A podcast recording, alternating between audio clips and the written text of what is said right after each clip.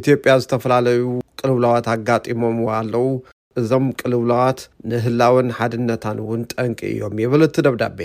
ማእከል እቲ ቅልውላው ድማ እቲ ኣብ ትግራይ ዝተፈጸመ ዝበልዎ ህልቂት እዩ ይብሉ ንሶም።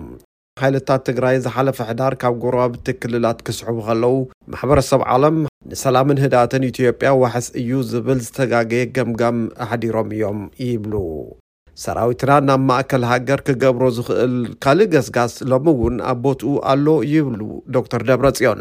ኣብዘን ዝሓለፋ ኣርባዕተ ኣዋርሕ ስሳን ሸውዓተን ረድኤት ዝጸዓና ማካይን ጥራሕ ናብ መቐለ ከምዝኣተዋ፣ እዚ ማለት ካብቲ ዝድለ መጠን ረድኤት ሽዱሽተ ሚእታዊ ከምዝኾነ ጠቒሱ ኣሎ።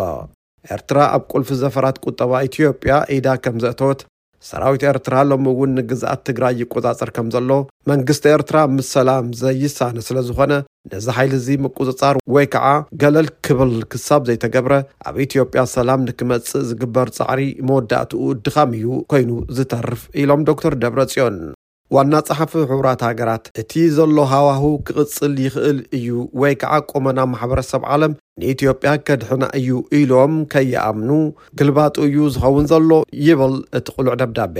ሓይልታት ትግራይ ካብ ወሰንቲ ወተሃደራዊ ስፍራታት ዝሰሓቡ፣ እቲ ቅልውላው ኣብ ልዝብ ተመስሪቱ ክፍታሕ እዩ፣ ህጹጽን ዓንቀፍቀፍ ዘይብሉን ሰብኣዊ ረድኤት ክቐርብ እዩ፣ ዕፅዋ እውን ከብቅዕ እዩ ዝብል ተስፋ ስለ ዝተውሃበ እዩ ነይሩ።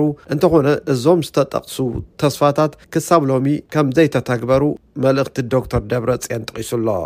ቅልውላው ኢትዮጵያ ብመትከላት ሕቡራት ሃገራትን ሕብረት ኣፍሪቃን ክፍታሕ፣ ህላዌ ሚልዮናት ህዝቢ ትግራይ ምስ ዝረጋገፅ ህላወ ሃገሩ እውን ውሑስ ከም ዝኾን፣ ኢትዮጵያውያን ናይ ወፃኢ ጣልቃ ምትእትታው ከየድለዮም ንዘጋጠሞም ፖለቲካዊ ፀገም ክፈትሑ ይኽእሉ እዮም ይብል። ኣብ መደምደምታ፣ ዕላማና እዚ ወሪዱና ዘሎ ኣዕናዊ ግጭት ብሰላማዊ ኣገባብ ምድቃስ ከም ዝኾነ ንጹር ክኸውን ኣለዎ። ዝኣክል ሞትን ዕንወትን ኣጋጢሙ እዩ። እንተኾነ ተኣማኒ መስርሕ ሰላም ክሳብ ዘይተተግበረ፣ ዜጋታትና ብጥሜትን ክንከላኸሎም ብእንኽእልን ሕማማትን እናመቱ ክንርኢ ድልየትና ኣይኮነን። ስለዚ፣ ሰላማዊ ኣገባብ ዘይሰርሕ እንተኾይኑ ንትግራይ ምድራዊ ሲኦል ገይርዋ ንዘሎ ዕፅዋ ንምፍንፃሕ ካልእ ኣማራፂ ንኽንጥቀም ክንግደድ ኢና።